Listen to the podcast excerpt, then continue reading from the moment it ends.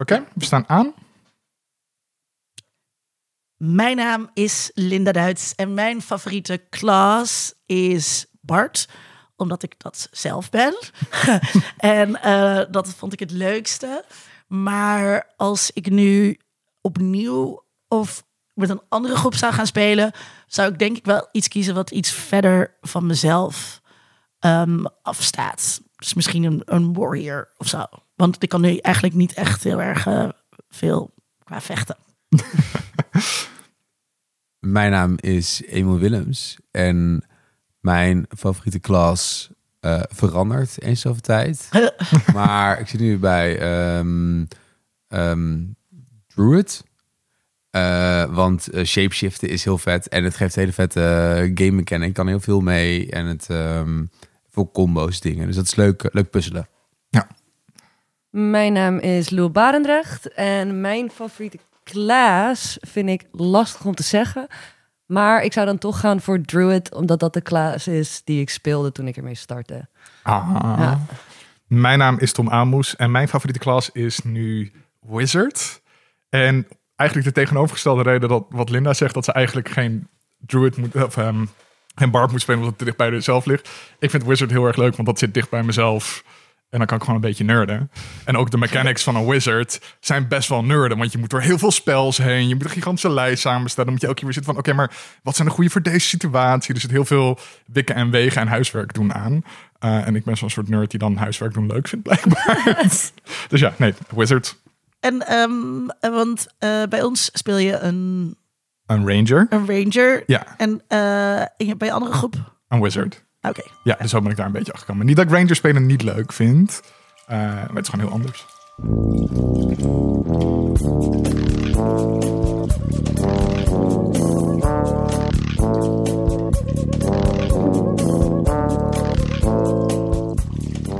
U hoorde ze, Lou Barendrecht en Emiel Willems zijn bij ons te gast.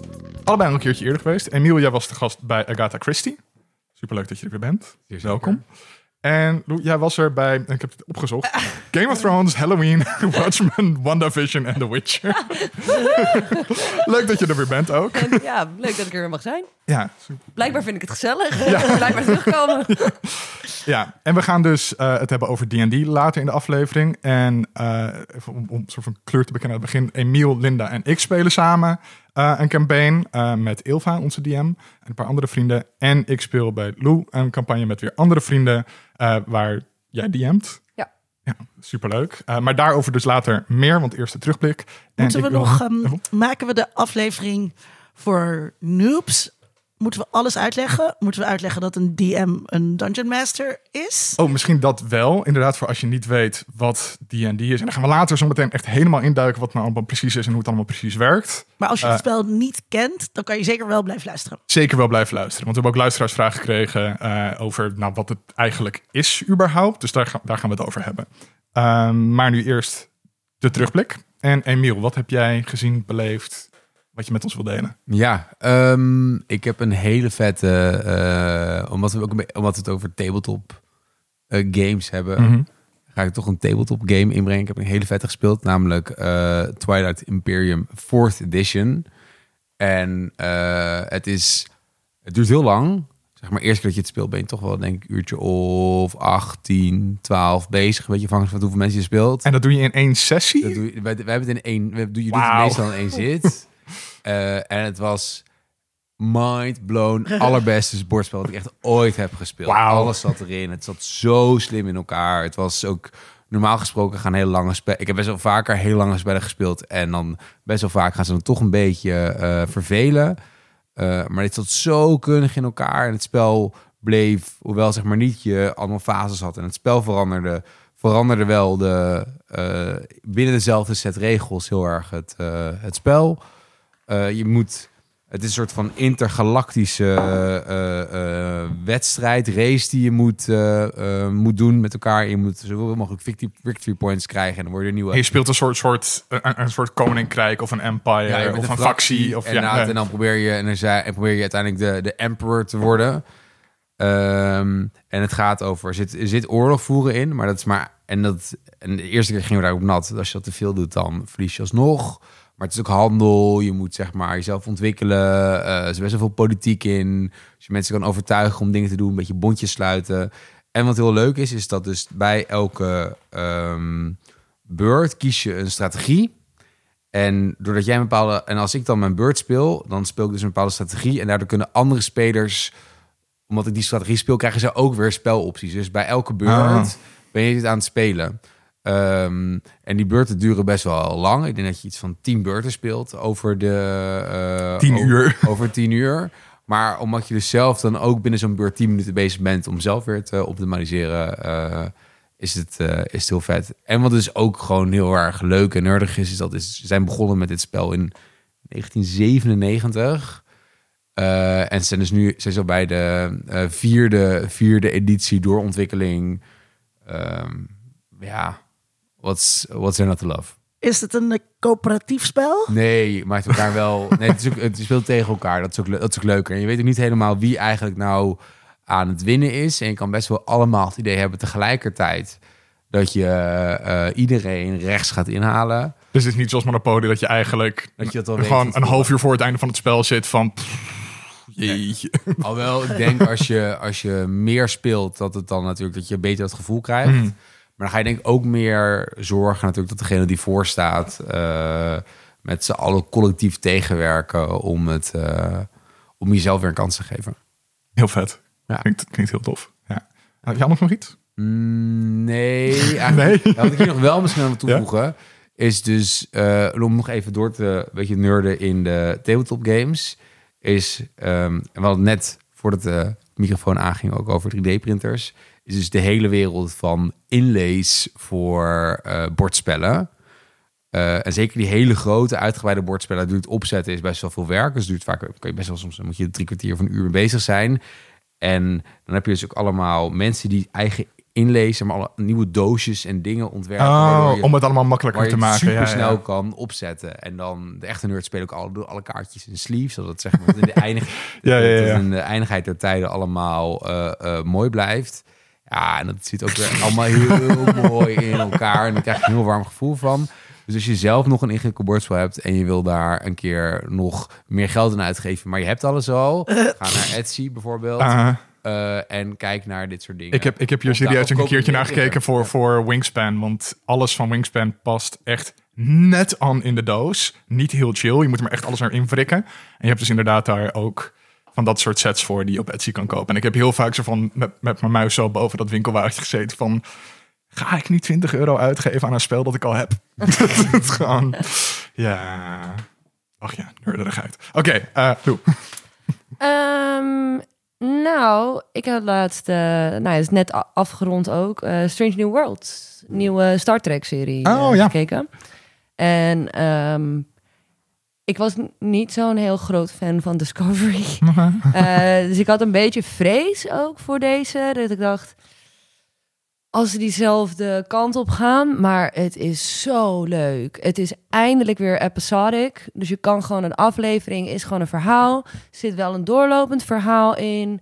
Uh, de thema's liggen weer heel erg bij. Echt de old school Star Trek thema's. Um, characters hebben meerdere lagen, niet zo vlak. Uh, niet één persoon is de held. Het gaat over verschillende mensen op het hele schip.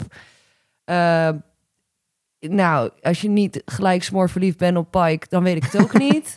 Uh, het is echt, ja, het is echt, een, uh, echt gewoon heel erg leuk. Het is gewoon a lot of fun again. Maar het is wel een spin-off van Discovery, toch? Ja. Want ze hebben deze Pike al geïntroduceerd in een Ja. eerder seizoen van Discovery, toch? Ja, ja, zo dus de, de, de uh, Pike wordt al geïntroduceerd in Discovery. Uiteraard is het wel gewoon het verhaal van Pike, zoals het ook Ja. in de, uh, volgens mij in de original series.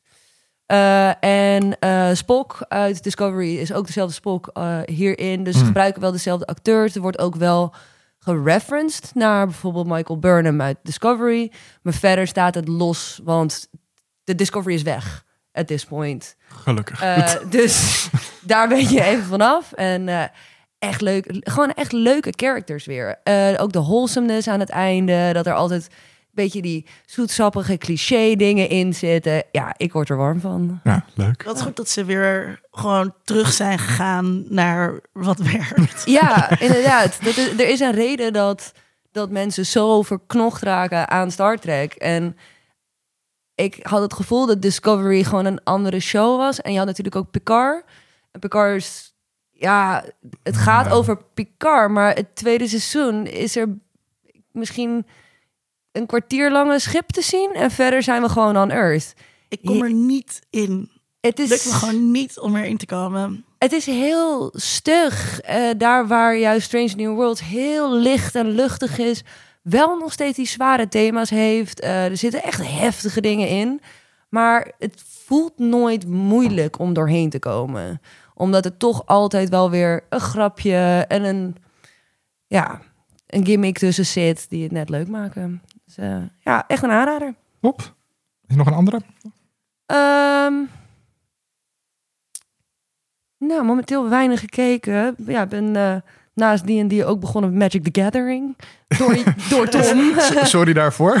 Eh, dus daar ben ik me nu... eh, wat, wat in Wizard of eerste... the Coast krijgt al je Maar- geld. Al- alle, alles. Maar Magic het kaartspel? Ja, ja. Ja, ja. Ah, oldschool. Ja, Ja. en het dan in eerste instantie eh, gespeeld inderdaad, nou ja, met, met, met jou dus, Tom. Ja. En eh, nou, dan denk je, oké, ik snap de regels wel. En toen ging ik het met mijn partner spelen en toen dachten we, wacht, wat moeten we nou doen? Wat betekent deze kaart? En het blijkt toch vrij ingewikkeld te zijn allemaal. Dus ik heb er nog wel een karwei aan om dat Ja. eh, verder te ontdekken. Ik had dat ook dat eh, ik had op een gegeven moment eh, eh, een paar van die starterdekjes gekregen. En dan snap je de kaarten die in die dekjes zitten Yep. en hoe dat werkt. En dan krijg je een nieuw dekje en dan zit je ineens van sorry, maar ik weet gewoon niet wat hier gebeurt. Want wat doe je bij Magic the Gathering? Eh, het is, je speelt het tegen elkaar. En je hebt eh, in je hand eh, landkaartjes. En dat is een soort de resources die je kan gebruiken. Die kan je spelen. En daarnaast kan je eh, spreuken spelen en monsters spelen.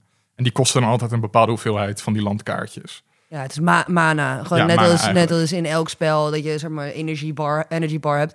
Eigenlijk speel je alsof je twee, of zeg maar dat je een wizard bent. Hmm. En je gebruikt creatures en spells en enchantments en artifacts. maar je moet daar wel genoeg mana voor hebben om dat te kunnen gooien. En hebt allemaal reacties op elkaar. Maar het is echt strategisch gezien super interessant, maar dus ook super ingewikkeld. Ja. En elke kleur heeft dan weer zijn eigen sterke kanten. En En die kunnen ook weer op interessante manieren samenwerken. Ja. En het, het, is, het is heel veel. ja, Ehm, het is wel heel leuk. Het is heel leuk. Dus, eh, dat zeker. Eh, Linda, wat heb jij eh, gezien? Ik ehm wat geprobeerd ehm, te beginnen aan een Night Sky op Prime. Jullie daar, zijn jullie daar Nee. toevallig? Nee. Eh, Met Sissy Spacek en... ehm weet die man nou?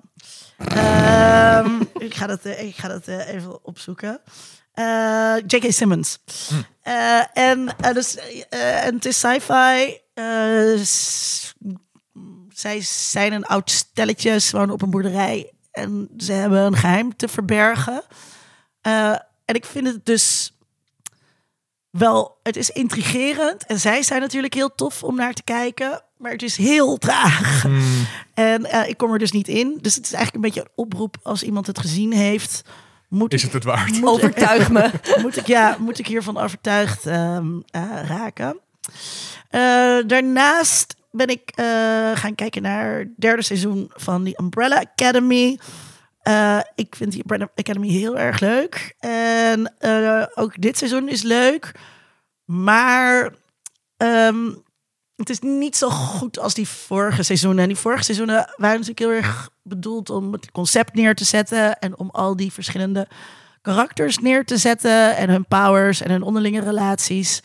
En nu kunnen ze dus daardoor meer avonturen gaan hebben.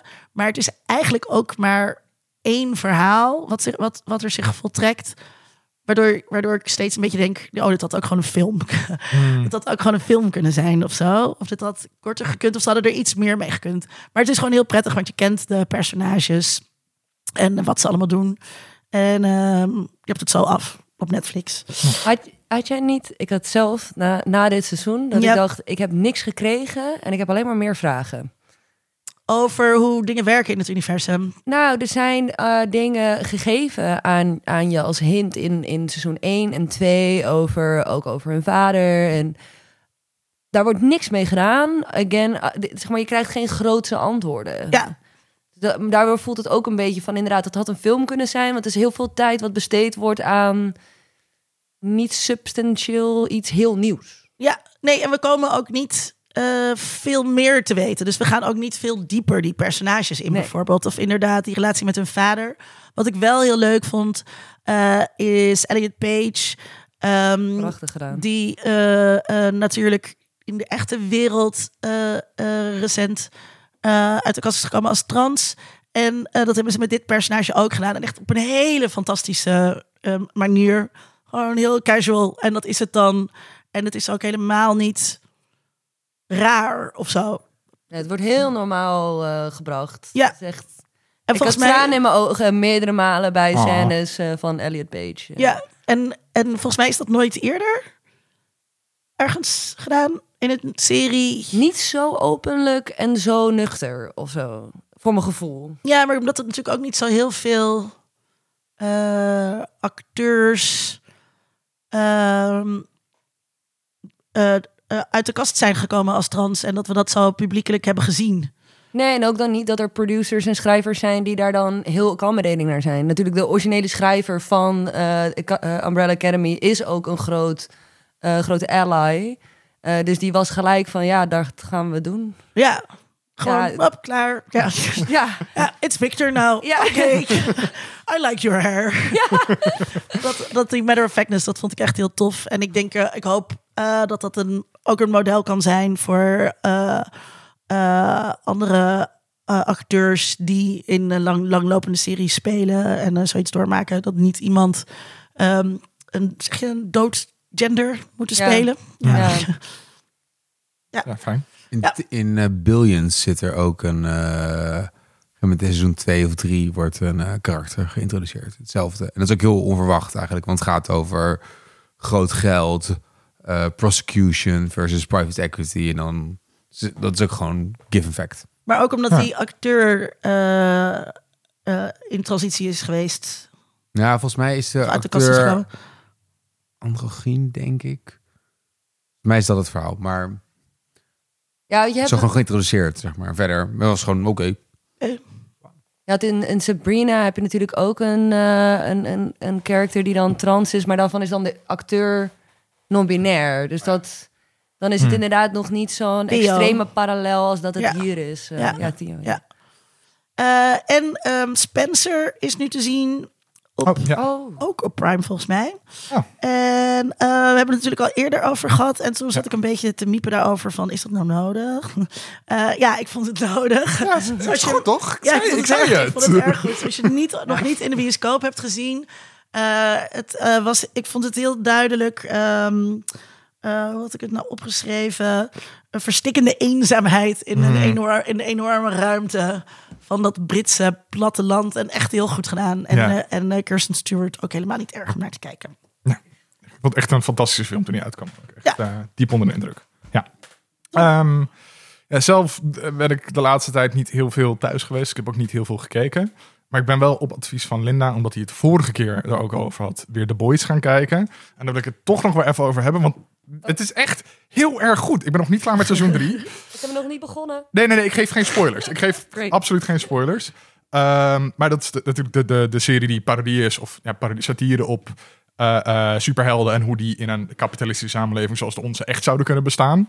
Ehm, en eh, niet alleen is dat, werkt die satire heel goed, maar het werkt ook als tv heel goed. Dit zijn geen ellenlange seizoenen waarin je aan het wachten bent totdat er iets gebeurt. Elke aflevering heeft gewoon een begin, midden en eind. Beukt er lekker doorheen. Er gebeurt altijd wat. zijn altijd ontwikkelingen. Altijd twists en turns en dingen. Dus het, het tempo ligt heel erg hoog, waardoor het heel erg lekker wegkijkt. En je hebt ook niet zoals bij Kenobi dat je dan zit van... Eigenlijk was het even vier afleveringen doorheen. Maar de laatste twee maakt het echt wel goed hoor. Ehm, wat we bij de vorige aflevering zeiden. Wat ik, wat ik zelf zei eh, en wat ook wel zo was. Maar hier is het gewoon, elke aflevering is goed. Gewoon heel consistent. Je bent nooit verveeld. En dat vind ik echt een verademing dat tv-makers tv kunnen maken. Dat het gewoon een aflevering goed is op zichzelf. Eh, en dat is eigenlijk veel te zeldzaam. Maar is het dan ook gewoon... in het contrast zeg maar met Kenobi, omdat we daar gewoon fan zijn en gewoon alles eten wat door ons strot geduwd wordt. Ja, ja, papa Disney, geef me nog een hapje Star Wars alsjeblieft. Ja, precies. Ja. Ik denk dat dat ermee te maken heeft. En dat we dat bij de boys misschien minder hebben. Dat ze daardoor moeten vechten voor onze aandacht. En dat dat een veel betere serie maakt. Ja, Ja, eh, nee, echt briljant. Eh, hele goede serie. Kan, kan er niet anders dan nou, ik heel ben erg blij dat je bent gaan kijken. Ja, ja, echt top.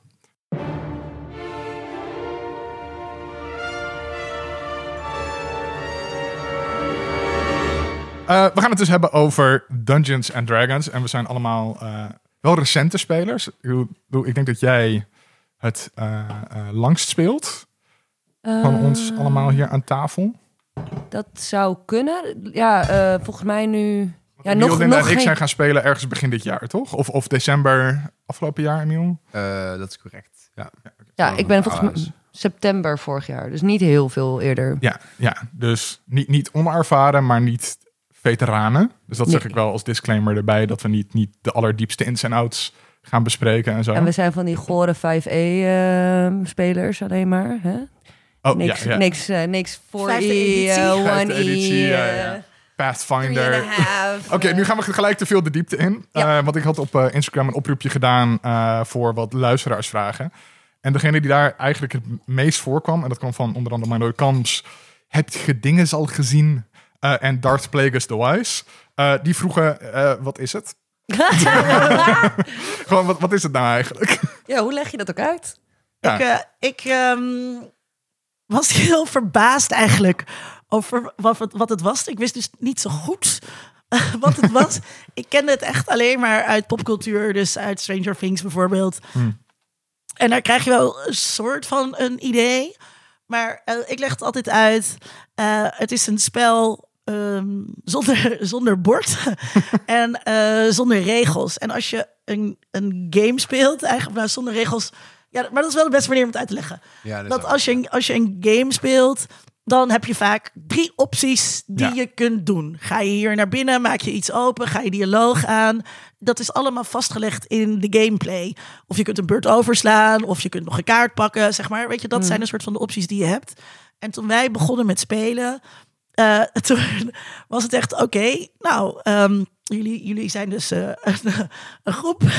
En eh, jullie hebben een kamp gemaakt voor de avond. Het is nacht. Wie gaat de, na- wie gaat de wacht houden? Oké, nou dat was al iets. En toen gewoon, ja, je hoort een geluid. Wat doe je? En dan kan je dus alles doen. Dan kan je zeggen, eh, ik, eh, ik doe oordopjes in. maar je kunt ook eh, zeggen, ik klim in een boom om te zien wat er aan de hand is. En dat zeg maar. ehm, ja, dus je gebruikt je fantasie. Het is een role-playing game, dus je speelt, je speelt een karakter. Je probeert zo dicht mogelijk bij dat karakter te blijven. En vanuit, vanuit die openheid eigenlijk ga je aan de slag. En dan zijn er uiteindelijk wel allemaal regels eh, voor hoe je je kunt bewegen eh, door die wereld. Of hoe effectief de acties zijn eh, die je gaat doen. Als je dus in een boom klimt, dan is het niet zomaar zo dat je heel ver kunt zien. Daar moet je dan eh, voor dobbelen, heet dat. Ehm, Of, of, en of het je lukt om in die boom te klimmen. of het je lukt Ja, in de ja. boom te klimmen. Ehm, maar zo, zo leg ik het aan mensen uit. Ja, en dat, dat is heel erg de spelerskant. En, en Lou, jij, jij bent een DM, een, een Ja. Dungeon Master. Ik ben God. Ja. dat is generally hoe ik het uitleg. Nee, ja, het ding is eigenlijk waar je natuurlijk als eh, speler is je basis je character sheet. Eh, je hebt één papier en daar staat alles op wat je qua Nou, had nou- had ik nou biertje voor je gehad? Oh ja, wel. Oké, sorry. Eh, op je character sheet staat, eh zijn allemaal informatie over wat jouw personage kan doen. En er staan eh, cijfers op met plusjes en minnetjes. Nou, dan inderdaad, op basis daarvan ga jij zeggen: Ik wil dit doen. Kan zo gek als je wil. Eh, je kan eh, koprollend de boom in proberen te klimmen. Ehm, als jij zegt: Ik wil koprollend de boom inklimmen, dan ga ik bedenken: Hoe moeilijk is dat? En dan maak ik eigenlijk als een soort van scheidsrechter een grens van hoe moeilijk het is. Dus hoe hoog moet jij rollen om dat te kunnen doen? Eh, verder als Dungeon Master ben je, ja, je bent een, soort van narrator. Dus je maakt eigenlijk met z'n allen maak je een verhaal. Je schrijft eigenlijk een verhaal ter plekke. En ik bouw het framework waarin je speelt. Dus ik zorg dat er eh, gebouwen staan op plekken, dat er wegen zijn op plekken. En dan kunnen jullie daar overheen bewegen. Eh, ik zeg ook wat er gebeurt in de omgeving. Als Dungeon Master speel je alle NPC's, dus all non-playable characters. Elk karakter wat je tegenkomt in een stad waarmee je wil praten, wordt door de Dungeon Master gespeeld. De Dungeon Master die controleert ook alle monsters die je tegenkomt. Eh, en die hebben net als de players een character sheet hebben, hebben die allemaal een statblok een, met statistics van hoe sterk ze zijn, welke krachten ze hebben, wat ze kunnen doen. En eh, in general is eigenlijk D&D een strategiespel met kans. Ja, Eh, dus je kan je kans verhogen door slim te spelen. Door te weten hoe je het kan aanpakken. eh, door te weten waar je character goed in is en waar die niet goed in is. ja want je Ehm, kan dus bijvoorbeeld, je hebt een gesloten deur. En die kan je als barbaar, als Emiel eh, in onze groep, met zijn grote bijl zitten van ik sla deze deur kapot. Of je kan zitten van ik heb een lockpick en ik ga proberen hem open te sleutelen of whatever. Ja, dus je hebt eh, zes ook main ehm, eh, abilities. eh, De strength, dexterity, de strength. Hoe sterk ben je? Hoe, dexterity, hoe licht op je voeten ben je eigenlijk? Wisdom, hoe wijs ben je? Intelligent, hoe ehm, goed ben je in het ophalen van feiten en informatie? Dan heb je je charisma, hoe smooth ben je eigenlijk? Kan je iemand overtuigen? Kan je goed liegen? En Constitution. Constitution. En Constitution gaat gewoon over hoe gezond ben je. Ja. Dus hoe goed kan je tegen gif? Eh, hoe goed kan je lang redden? Hoe goed kan je... En op basis van die skills, en je weet dus hoe goed je ergens in bent, Mhm. eh, maak je keuzes. Dus inderdaad, ga jij rennend een groep mensen in omdat je weet dat je super charmant bent en eh, iedereen charmeert met een, met een liedje. Eh, of weet je van, ik ben heel sneaky, dus ik ga proberen overal achter langs te kruipen. en Ja. op, op die manier gebruik je je strategie en daarna moet je altijd nog steeds rollen. En is er een kans en je gebruikt grotendeels een D20, wordt het genoemd. En dat is een dobbelsteen met 20 zijdes. Ehm, en eh, hoe hoger je rolt, hoe beter. En als jij een 1 rolt, ben je de Sjaak. En Ja. ehm, belangrijk, denk ik, is dit is dus een eh, coöperatief eh, spel. Dus je speelt samen, eh, ga je dat avontuur in. Je kunt elkaar wel dwarsbomen. Ehm, Maar dat is maar niet leuk. ik zie dat niet zo goed. waarom dat leuk zou zijn. En wij zijn volgens mij extreme overleggers. Ehm, wij, Ja, wij hebben wel een vergadercultuur. van hoe we, hoe we iets gaan aanpakken en wie we waarvoor het beste eh, kunnen inzetten. Maar niet iedereen houdt zich daar ook altijd aan. Dus we hebben ook al een keer gehad dat ik gewoon een beetje dwars lag en alle dwergen wilde. ehm, Linda was ziek racistisch eigenlijk. tegen dwergen. ja, dat komt eigenlijk wel op neer.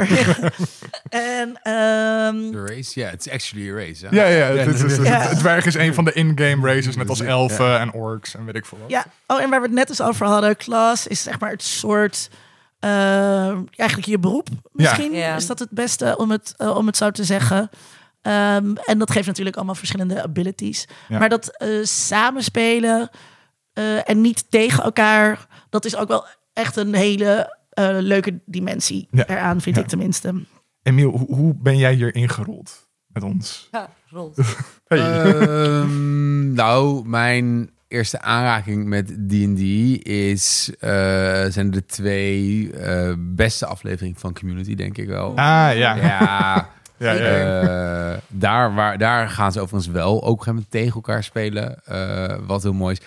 Ja, maar je ziet dan heel erg wat voor soort van dat verhalende... dat iedereen gewoon eh, bijdraagt aan, het, eh, aan, een, aan een mooi verhaal... waar je dan ook weer eh, zelf in speelt. En wat natuurlijk heel wat, wat leuk is in de... Of ga, ik- eh, nou, ik ga gewoon vooruitlopen op het draaiboek. Ja joh, Want dat ik mag ben een keer eerder geweest. Dat mag ik gewoon ander- doen. ander- Anders sluit Ja, je wel ja, weer terug straks als ik weer terug wil. Eh, het is helemaal goed. Nee, maar natuurlijk. En het leuke wat je bijvoorbeeld dan in die serie ziet, is dat ze dan op een gegeven moment dan. Volgens mij spelen ze ook dan zeg maar in hun fantasie dan die, die, die gebeurtenissen na.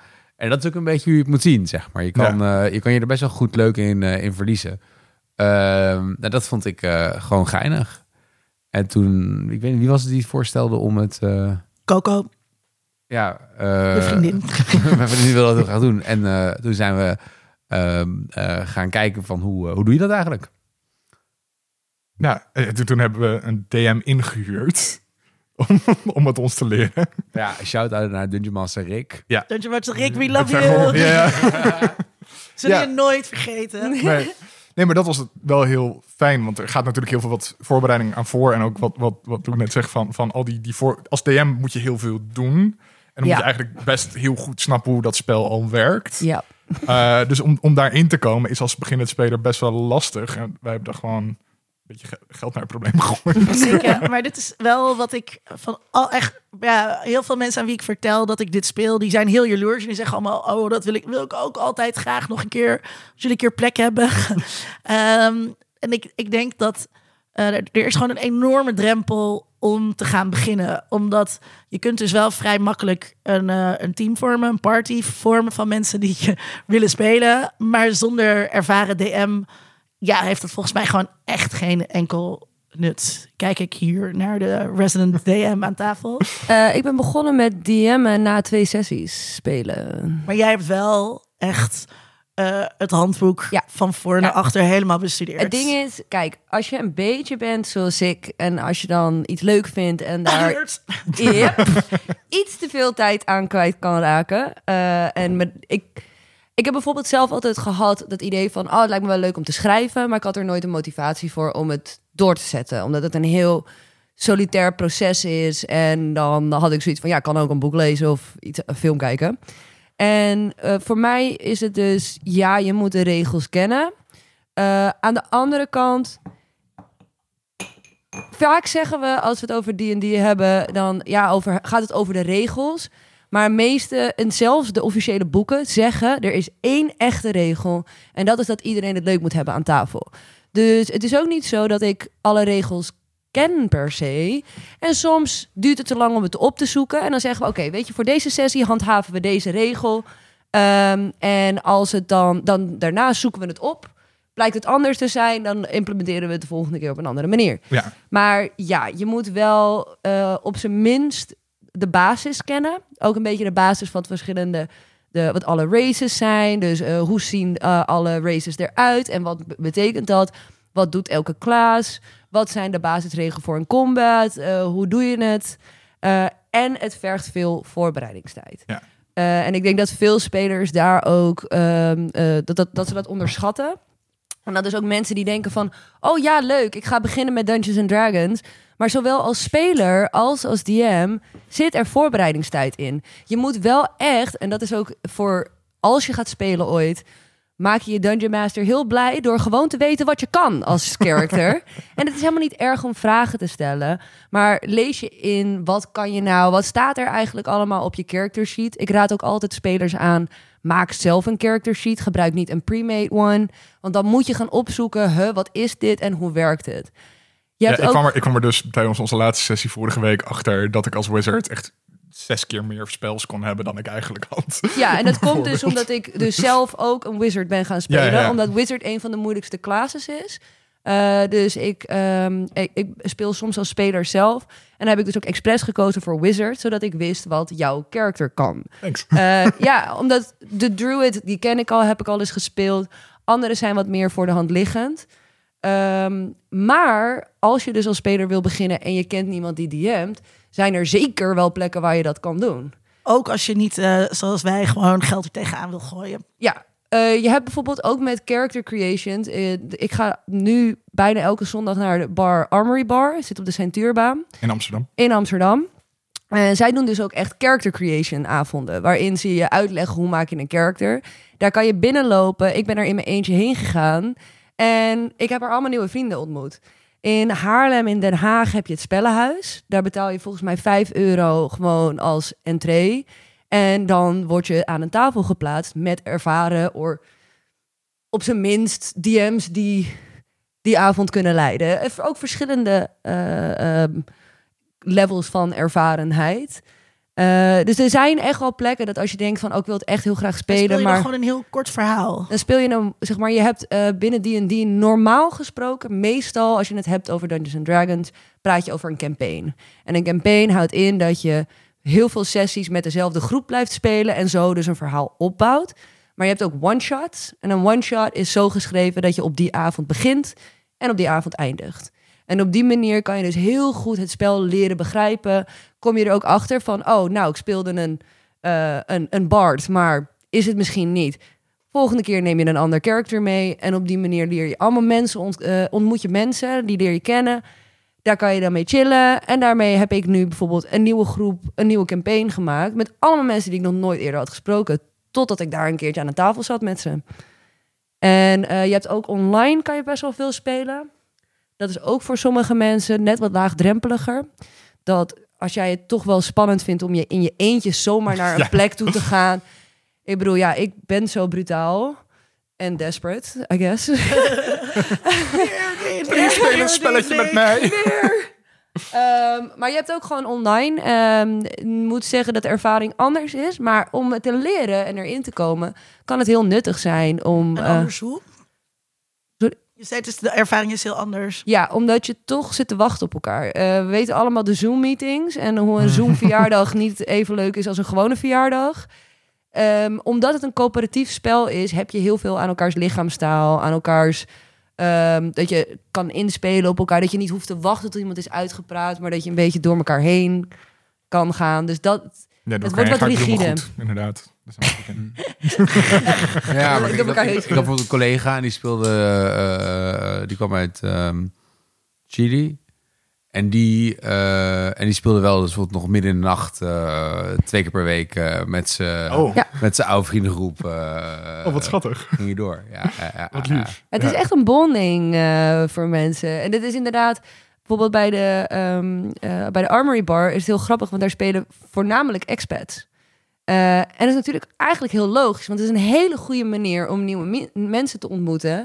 En gewoon niet naar een bar gaan zonder reden, maar echt gewoon om Ja, daar ja. een spel te gaan spelen. En ook gewoon eh, mensen die dezelfde hobby delen als Ja. jij. Ja. Mensen ja. zijn heel open-minded op dit soort plekken voor zowel beginners als eh, ervaren mensen. Dus ik heb wel eens iemand in- gehad die binnenliep en toen moest ik DM'en.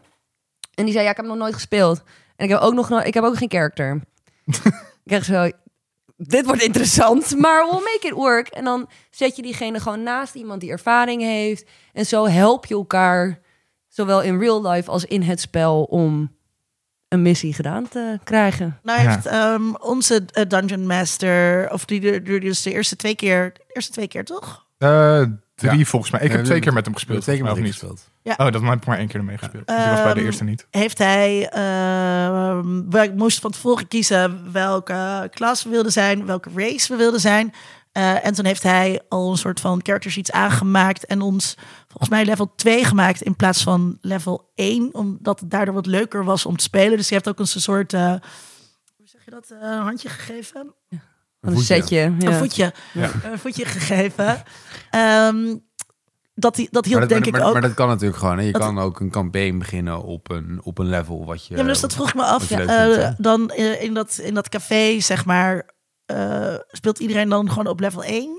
Nee, eigenlijk speelt bijna, bijna niemand die meer dan één keer Dungeons and Dragons heeft gespeeld, wilt op level 1 beginnen. Want het is echt heel stom. niks. Ja, en eh, na twee klappen ben je dood. Ik had uh, laatst was het dus wel een keer dat ik op level 1 een campaign daar, of een, een sessie daar speelde. Nou ja, ben je gewoon drie keer gevloerd of zo. Ja, het is Niet Het is leuk. grappig voor eventjes, maar op een gegeven moment, ja, je hebt gewoon veel minder opties. Meestal beginnen mensen tussen de drie en de vijf. Omdat na vijf worden de opties heel groot. Ehm, elke keer, zeg maar, binnen Dungeons and Dragons het levelen. Dus op bepaalde punten zijn een beetje milepoints. En eh, waarin veel keuzes erbij komen. Veel eh, nieuwe... eh, voor een bard heb je colleges. zeg maar, ineens krijg je allerlei keuzes. En nieuwe spels en trucjes. En hartstikke vet. Maar als dat allemaal er is terwijl je begint, is het vaak overwhelming. Dus voor mensen die heel nieuw zijn, zeg ik start op level 2 of 3. Eh, voor mensen die al een paar keer hebben gespeeld, is het meestal 3, 4. Mensen die heel vaak spelen, beginnen vaak een campaign op 5. Ja, dat je gewoon iets kan. Ja. Dat je weer op een punt bent dat je het idee hebt van, oh, we kunnen weer een beetje. Ja, Eh, want, want het is wel echt een gigantisch verschil. Want ik heb het idee dat als je level 1 bent, ben je eigenlijk een soort... eh, middeleeuwse horige die net een zwaard heeft opgepakt. Ja. Met een paar extra trucjes. En zeg maar, je kan tot level 20 en dan ben je een halfgod. Ja. Dat is een beetje, een beetje Ja. de range van, van, van krachten die je Maar wat hebt. misschien wel leuk is om, om toe te voegen, is natuurlijk dat je. ehm, dat de DM bepaalt ook heel erg de sterkte van de, van de tegenstanders. Ja, ja. Dus in die zin, zeg maar, het is een tactisch spel. Maar als je allemaal, als je een party hebt die het heel gezellig met elkaar hebt, maar niet zo uitblinkt in tactiek, kun je alsnog heel leuk spelen op je eigen niveau. Ja. Behalve als je DM meer eh, een adversary is natuurlijk en heel veel lol heeft elke, elke week weer de, eh, de party te slayen. Maar, ander, zeg maar in, in die, dat, is natuurlijk, dat, dat vind ik een van de mooie dingen natuurlijk. Omdat je, omdat je letterlijk tegen God speelt. ehm, ehm, maakt, het, maakt dat ook weer niet zoveel uit. Bijvoorbeeld met hè, hoe onze characters bijvoorbeeld de eerste keer hebben opgebouwd. Dus als ik daar nu naar kijk, zie ik allemaal dingen die niet zeg maar geoptimaliseerd zijn. Maar who cares? Weet Ja. je, we hebben, we ja, zeg maar nee, want dan, dan komen we niet eh, eh, eh, de vier orks, maar drie orks tegelijk tegen. Of bijvoorbeeld hoe ze in het spel je aanvallen, dat kunnen ze ook tactischer of minder tactisch doen natuurlijk. Ja. En daar kan je heel mooi weer middelen om gewoon weer een hele leuke spelvaart te hebben. Ja, en wij hebben ook tijdens de, de laatste sessie die wij gespeeld hebben, hadden wij ook een, een eh, eh, gevecht dat we gewoon totaal verloren hebben. Dat is nog helemaal nergens op wat daar gebeurde. Maar toen konden we wel wegvluchten. Eh, wat de DM natuurlijk ook toelaat ergens, want ze had ook ons gewoon kunnen blokkeren op een bepaalde manier. Ehm, en toen zijn we gehergroepeerd, hebben we een dutje gedaan met onze personages, zodat we weer eh, wat van onze gezondheid terug hadden. En toen zijn we weer teruggerend en toen hebben we het wel Eerst een tactiek bedacht. Eerst een tactiek bedacht. Uur aflegd. Ja, Ja, en inderdaad wat je zegt. Er zit een verschil tussen... Ja, is je DM iemand waar je tegen speelt? Over het algemeen wat je wil is dat... DM speelt natuurlijk wel de evil people... maar is niet je enemy. Die speelt ook met jou mee. Ehm, het is ook mogelijk om een campaign te spelen... waar je nooit een combat hebt. Als jij als groep zegt van... wij zijn niet van de combat... en we doen liever mystery en puzzels... en beetje roleplaying en we willen met iedereen van de stad chillen Ja. en we lossen alles op door eh, te praten. Dat kan. Maar het gaat om wat jouw party, wat jij als groep en samen met je DM bepaal je ehm, hoe, wat vind je leuk. Want wij hebben ook één eh, sessie gehad dat we volgens mij helemaal niet hebben gevochten. nee, want to- toen hadden we inderdaad... ehm, God, we moeten even de situatie uitleggen voor de luisteraar. Van, er, er was een groep krakers. eh, en soort van... De de D&D-equivalent van krakers. En eh, er was een soort feodale heer... En zijn afgestand wilde die krakers weg hebben uit zijn mijn. En toen zijn we daar naartoe gegaan. Feodaal slash kapitalistisch. feodaal slash kapitalistisch. Ehm, en eh, toen, in plaats van... Het, en volgens mij had de DM echt verwacht dat we het gewoon heel veel knokken zou gaan worden. Maar ik denk dat we echt op Linda's charisma-rolls... en die van Sjoerd trouwens ook... eh, puur doorheen ge- gegaan als soort mediators tussen twee moment- partijen. Op een gegeven moment hebben we wel met, eh, met een, met een non-playable character dat we tegenkwamen... een soort ehm, eh, intervisiegesprek gedaan. Eh, eerst de feiten, dan de emoties. en, ehm, maar dat was heel leuk. En dat was ook heel erg leuk, want daar wil ik ook- ook nu even naartoe van, van het, het, het roleplayen als die personages die, die niet per se zijn zoals jij bent. Maar dat kan ook heel leuk zijn dat je dan heel erg in de schoenen moet gaan staan van oké, maar wat zou mijn personage in deze situatie nu gaan doen? En dat is dus niet altijd eh, eh, ik pak mijn zwaard en ik hak erop in. Al kan dat soms inderdaad wel zo zijn. Ehm, maar kan het ook gewoon zijn van, nou ja, volgens mij is hier niet echt een probleem. Laten we dit even op gaan lossen, jongens. Ja. Ja, En wij hebben redelijk, volgens mij allemaal, zelfs dus de barbaar in ons midden, redelijk een aversie van eh, vechten. Ja. Je gaat geen geweld gebruiken. Ja. We vinden, het, we vinden het ook wel echt heel interessant om heel veel over die wereld bijvoorbeeld te weten te komen. Ja, de, een van de eerste sessies met onze DM waar we nu mee spelen, zaten we de hele tijd. Wat is het politiek? Was het Wat nog is met het Rick? bestuurssysteem? Wat is het bestuurssysteem in dit dorp? Wie is hier de baas en waarom? Ja, Ja, en dat is wel, en daar heeft onze huidige eh, DM, shout-out naar Ilva, die ehm, eh, richt, richt het daar ook wel echt op in. ja. ja hoe, hoe is dat voor jou, Emiel? Want jij speelt als een barbaar en dat ligt niet per se heel dicht bij jou, volgens mij. Hoe, Hoe, hoe is het om als Barbaria de barbaarse barbier te spelen? Nou, eh, kijk, het is wel... Het is leuk dat je binnen die, eh, die fighting sequences... natuurlijk wel een voorname, een voorname rol hebt in die zin. Mhm. Hij heeft echt heel duidelijk een functie. En als andere mensen dingen doen die niet over, in overeenstemming is met wat jij doet, dan zijn zij de Sjaak. Eh, dus dat is wel, wel geinig. Maar ik ben zelf dus ook niet zo...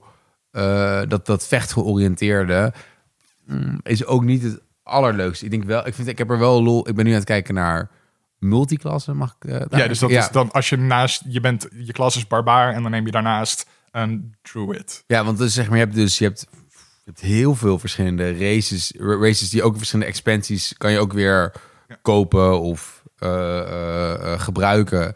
En dan heb je natuurlijk al je, eh, je classes, dus je hebt al heel veel verschillende soorten builds die je dan kan maken. En wat je dan ook nog kan doen naast levelen. Dus je, en je levelt in je, in je klas, dus je, je, je race is vast, je levelt in je klas. En wat je dus kan doen is dat je dus, bijvoorbeeld ik ben een barbarian, nu level 4. Eh, kan ik dus in plaats van, als ik dan een level omhoog ga, kan ik in plaats van dat ik naar level 5 ga, kan ik ook dan e- een één level van een andere klas erbij Ja. nemen. En dan krijg ik daar ook weer extra attributen van. En dat, en dat optimaliseren en dat gamen, zo, dat is natuurlijk wel weer heel erg leuk. En met zo'n gevecht denk ik ook wel dat je het slim spelen, dat is natuurlijk het meest lachen. Of dat je een grote illusie kan doen of zo. Mm. Ja, dat soort dingen. Dat is, eh, Ja, dus jij bent is eigenlijk, jij hebt dat, dat, dat personage aan het begin gekregen van Rick. En nu ben je toch eigenlijk meer een soort van aan het sleutelen gaandeweg het spel. Ja, dat is, van, ook, dat is natuurlijk ook lastig, want Barbarian is niet per se zeg maar degene die dan op de, met de slimme trucjes komt. Nee, totaal niet. Nee, nee, Dus daarom ga ik me ook eh, eh, nu verdiepen in de Druid. Eh, Ja, ja, ja. Dat is mijn idee. Misschien wel Nou. ook nog goed om te weten.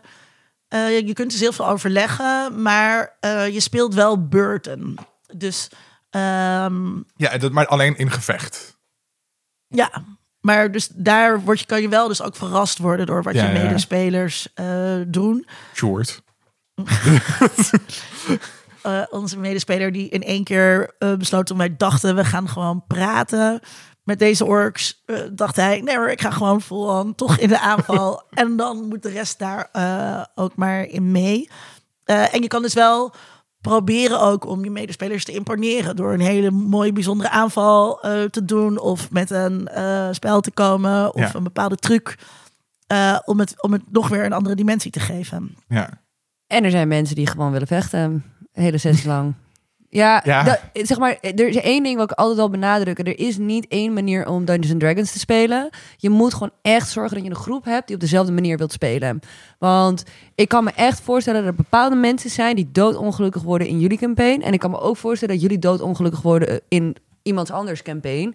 Het is echt, echt belangrijk. En dat moet je ook niet afschrikken. Dat als je een keertje Dungeons Dragons hebt gespeeld en het is niet gelijk fantastisch, betekent niet dat het hele spel gelijk stom is. Het is gewoon, je moet een tafel vinden waar het klikt. Je moet, eh, omdat het zo'n sociaal spel is, moet je dat, die sociale connectie met je, met je tafelgenoten hebben.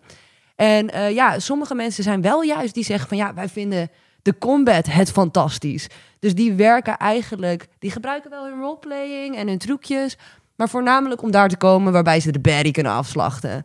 Andere mensen willen eigenlijk alleen maar puzzelen. Die willen alleen maar raadsels en dingen oplossen. En eh, dan moet je je, like, je, real, je real brain ook nog gebruiken. Ehm, en, eh, en sommige mensen hebben een hele erge ehm, eh, balans tussen roleplaying en combat. En anderen hebben inderdaad eigenlijk niks met de combat en willen voornamelijk roleplayen.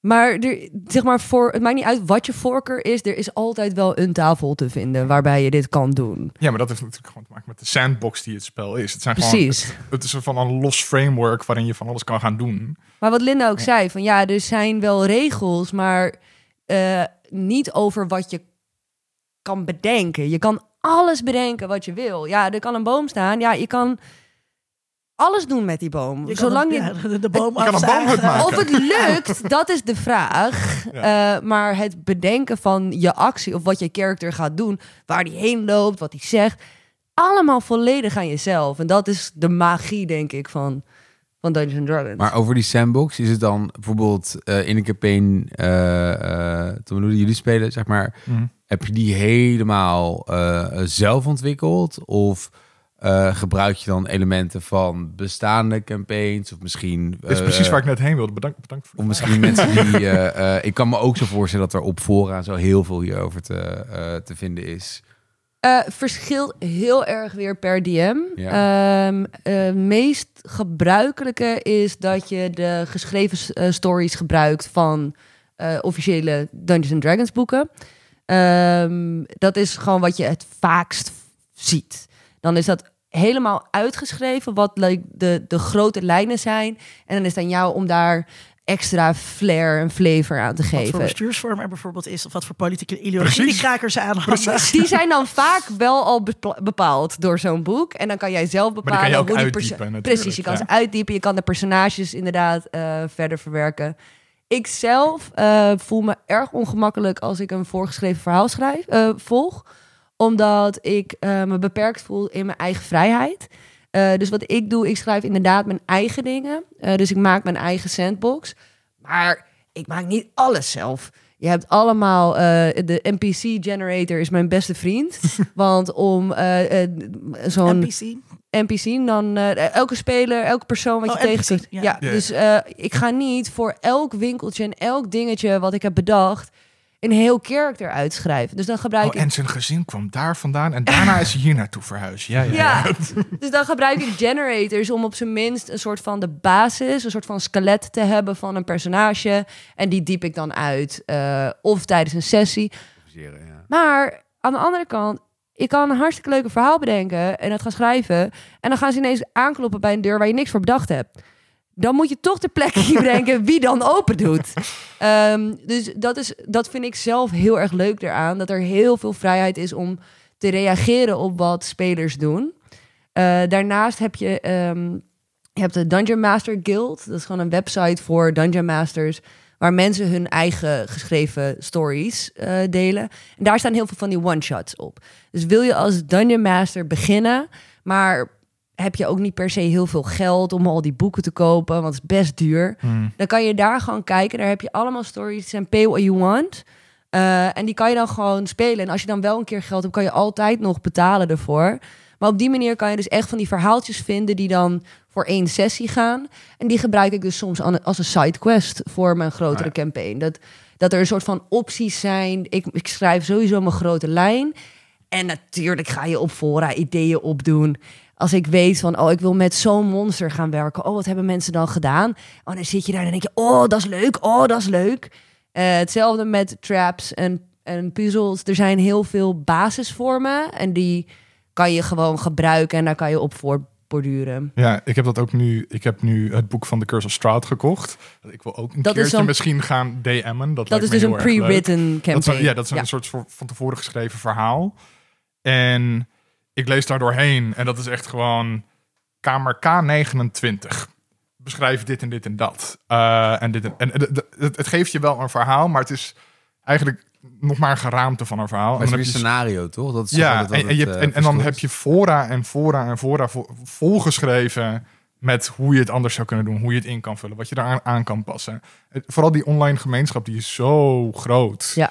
Daar kun je zoveel uithalen. En Daar is het super ook lief. echt de, ja. de nerdiness Ja. trouwens. Ja, ja. Eh, in, ehm, in die online gemeenschap die er is, ook in sowieso de hoeveelheid informatie die er is. Dus toen we begonnen met spelen, eh, toen heb ik wel een aantal dingen bekeken, eh, YouTube-filmpjes. Daar, daar is eigenlijk ook bijna geen beginnen aan. Nee. Van waar, waar, start je, waar start je daar?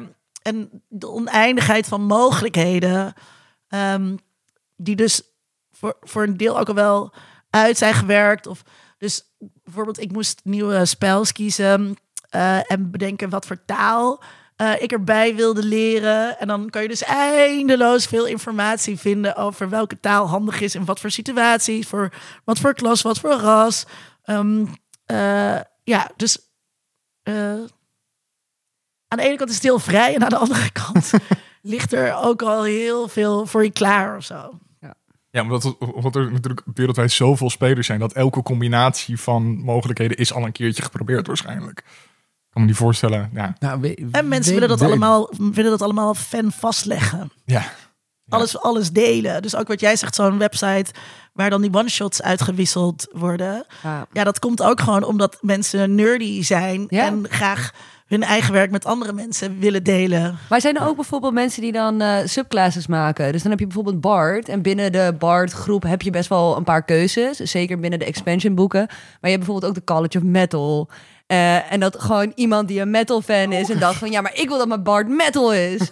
en dat wordt dan, en dan dat delen is- mensen dat inderdaad. is homebrew, toch? Ja, dan noem je Oh, ja. het homebrew betekent eigenlijk gewoon eh, dat je afwijkt van de regels van de Wizard of the Coast. En dat is zeg maar de organisatie. Zij maken, zij, het is het bedrijf wat achter alle officiële boeken zit. Eh, en alles wat zeg maar de officiële Dungeons Dragons 5e boeken, die komen vanuit hun. Alles daarbuiten noem je eigenlijk al homebrew. Ja. Eh, elke huisregel is ook een homebrew. Dus eh, homebrew is een soort van eh fanon. Als in geen kanon. Ja.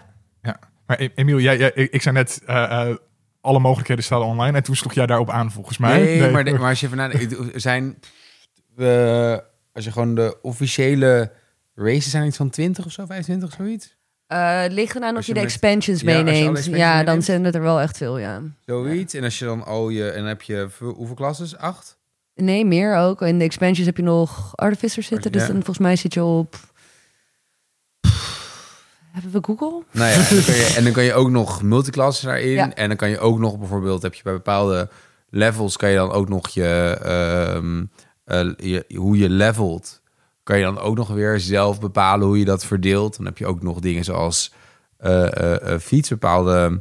ehm, ja, hoe vertaal je dat? Karakter? En dat zijn niet karakter, zijn het karaktereigenschappen. Ja, het zijn, ja, het zijn eigenlijk gewoon... ehm, Bonus eh karaktertrekken of zo.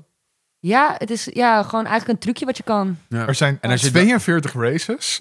en er zijn iets van 15 classes, maar 106 subclasses. En als je dus en als je de- al die combinaties, Ja. dan durf ik met 100, 100% zekerheid te zeggen dat niet alles is eh, gespeeld. Ja, eh, oké, oké, fair. nou, het ligt er vooral aan omdat inderdaad 5e relatief nieuw is. Want Dungeons Dragons bestaat natuurlijk al wel echt lang. Ehm, en eh, ik denk dat inderdaad qua combinaties het ook elke keer weer groter wordt. Om te zorgen dat het interessant blijft voor mensen. En ehm eh, 5e, dus de vijfde editie, de huidige editie, is de meest toegankelijke Dungeons Dragons versie ooit. Eh, en die is veel meer gebaseerd inderdaad op het roleplayen. Dus waar het vroeger was, het denk ik, zeker in bijvoorbeeld de eerste paar edities, daar ging je gewoon dood. Dat is gewoon, dat weet je gewoon. Je kan je wel je karakter maken, maar je weet die gaat dood en je moet op een gegeven moment een nieuwe maken. Dus dan heb je al veel meer dat je combinaties gaat gebruiken. En in deze editie hechten mensen vaak veel waarde aan hun character.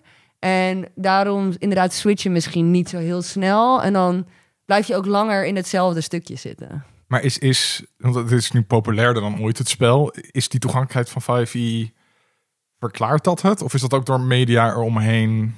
Ja, er zijn, het- er zijn meerdere dingen. Eh, een van de grote dingen is Critical Role. Mhm.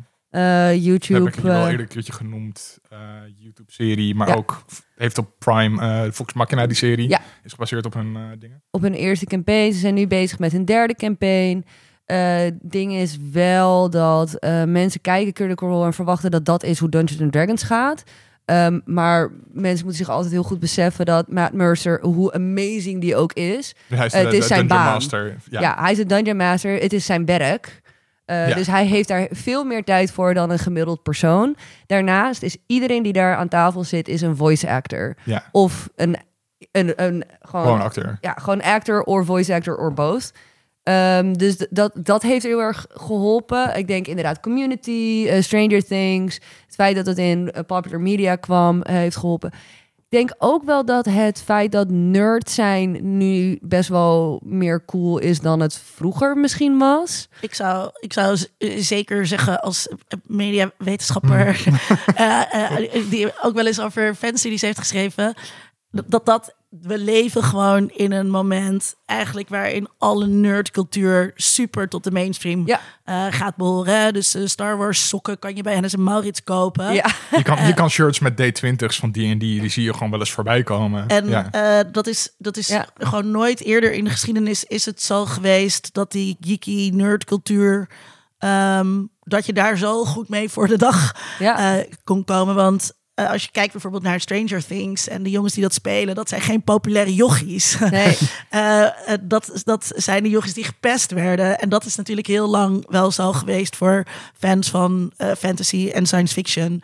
En daarbij is denk ik ook bijvoorbeeld Game of Thrones ook wel echt een keerpunt geweest. Waarin fantasy, science fiction was natuurlijk al wel langer een soort van verheven genre geworden. Maar waarin fantasy ook echt eh, iets werd wat niet alleen maar voor eh, zielige mannen van, eh, van 30 die nog in de kelder van hun moeder wonen of zo. Maar dat het heel respectabel werd voor hippe stedelingen om te zeggen dat ze dat keken. En dat is denk ik, dat heeft ook wel meegespeeld met dit, dat omarmen van nerdcultuur. Ja, het is film. en het is natuurlijk ook toegankelijker geworden. Je kan online inderdaad heel veel vinden, zoals waar we het net over hadden. En ehm, iedereen wil het nu spelen. Het is like, zeg maar. Elke populair persoon, elk ehm, mainstream persoon heeft zoiets van: Oh, het klinkt wel interessant, klinkt wel interessant. Oh, het lijkt me ook wel leuk om een keer te doen. Ja. Dus het is inderdaad gewoon heel erg common knowledge geworden dat het bestaat. En toen het, eh, waar, als je het hebt over Stranger Things, het is eigenlijk vroeger de, de Satanic Panic. Daar, God, de- ja. de- daar- dat was wel echt. Dat was ook echt hoe mensen dachten over zijn ze mee bezig in die kelders en hun dobbelsteentjes? Ja, eh? en het heet dan ook nog eens Dungeons and Dragons. Eh, wat is al die, al die magie? Oh, dit is allemaal giftig voor onze kinderen. Ehm, Heeft de christelijke kerk een officiële positie ten opzichte van dit spel? en op dit moment zou ik dat niet ik weten. hoop van Ik heb niet. wel. Ik denk het wel eigenlijk, hè? Ik heb voor onderzoek christelijke jongeren geïnterviewd die echt geen Harry Potter Ja. mochten lezen of kijken. Ik ken ook mensen That's die dat doen. Ja. Ja. Dus dan zou dit... De... Ja. Maar dan gaat het er gewoon om dat alles wat te maken heeft met magie is no-go. Dus dat zou betekenen dat je dan een campaign moet spelen met alleen maar fighters, I guess. En dan zou het nog... Ik, ik, ik vind echt, ik ben het er gaan googlen. Ik vind echt op Quora eh, eh, een vraag. Are Catholics allowed to play Dungeons and Dragons? en iemand die daar dus serieus op reageert met... No. There is no position of the Catholic Church on playing D&D. Oké, nou, Geen officiële, maar... In ieder geval niet vanuit de katholieke Vanuit de kerk. katholieke kerk. Ja, dus- Eh, daarbij moet je natuurlijk zeggen dat de katholieke kerk veel meer into eh mysticisme Ja, is ja, en ja. rituelen eh, en dat soort dingen. En dat, En dat juist de protestanten, ja. eh, eh, dat heel erg het. eh, eh, ehm, Ja, dus evangelische christenen in de VS en zo. ja, die ook echt denken dat eh, ehm, bijvoorbeeld geesten oproepen, dat dat echt is. En dat Ja. dat kan en dat je je daar dus niet zo mee moet bemoeien. Terwijl bij de katholieke kerk is het allemaal wel een beetje... Ach ja, dat doen ze een Beetje handelingen die we doen. En eh, ja, Ja. ja, dat geloven we allemaal. Ja, Ja, en ik denk, en, dat- en nog steeds, ik denk dat ook wel echt een van die grootste redenen, nou, toch ook wel de populariteit, eh, populariteit van Critical Role is. Het, het kunnen zien dat het gaat om het maken van een verhaal met z'n allen. eh, in plaats van dat het zo abstract werd. Want Ja. het is best wel heel erg makkelijk om te kijken. Het is echt heel entertaining. Dus het is echt, ja, ook again, omdat het acteurs zijn, ze hebben zo'n hoog eh, entertainment level. Dat mensen denken van, oh, maar dat is leuk, dat wil ik ook een keertje doen. en dat valt natuurlijk ook samen met game streaming en zo. Dat mensen überhaupt Exact. al kijken naar hoe andere mensen een spel spelen. En op Twitch is Critical Role ook een van de best bekeken shows. Precies. Dus dat kom je ook veel sneller tegen daar. Omdat je daar al... Je bent daar om games te kijken. Ehm, vraag, zijn er dan ook hardcore D&D-spelers die dat heel irritant vinden? Yep. Ja. Dat het nou zo- Heel veel. Ja, dat het laagdrempeliger is geworden? Nou, Of dat meer er mensen een het willen spelen? Eh, ja, je hebt, kijk, je hebt sowieso een hoop mensen die ehm, eh, bijvoorbeeld een probleem hebben met Critical Role, omdat het. ehm, eh, ja, je hebt ook de Matt Mercer effect, noemen ze dat. De, vernoemd naar de Dungeon Master van Critical Role. Eh, is dat mensen dus zo een bepaalde verwachting hebben van hoe Dungeons and Dragons is. Dat ze dus ook met die houding binnenkomen op in game stores, o- op in barren waar je het kan spelen. En dat ze dan eigenlijk dus helemaal geen besef hebben van wat ze nou eigenlijk aan het doen zijn. En ehm, heel obnoxious zijn in hun characters. En ehm, dus dat, dat, is, dat is één van de problemen. Eh, maar je hebt zeker heel veel gatekeeping eh, binnen eh, Dungeons and Dragons. En dat gaat niet alleen omdat het populair wordt. Er zijn ook mensen die vinden dat de, de fifth edition weak is. En dat mensen hun char- characters cradelen. En dat, ze gewoon, dat je gewoon dood hoort te gaan. En typisch. Ja, dat het echt zeg maar, ja, koesteren en echt zeg maar een soort van alles maar doen om niet dood te gaan. Waardoor je eigenlijk geen risico's neemt. Ja. Ehm, En ik snap het Nou, deels. laatst, laatst ging Tom dus bijna dood. Ja, dat is echt heel kut. Het was echt heel kut. En wij waren echt als party, waren we echt allemaal, nee, Ja. Rocher. En, in de, en zeg, maar, voor heel veel mensen die zeg maar wel echt in de categorie veteranen vallen, die hebben zoiets, ja, stel je niet zo aan, watjes. Ja, dat doodgaan is toch hoort juist, erbij. juist leuk aan het, aan het roleplay. Want dat is hoe... Um, zo zit ik er dan in. Van, van, van, als ik dan inderdaad daar op de grond lig dood te bloeden als personage. Dat, dat, en dat, dat mijn hele party gaat van... Nee, we moeten snel naartoe rennen. In plaats van...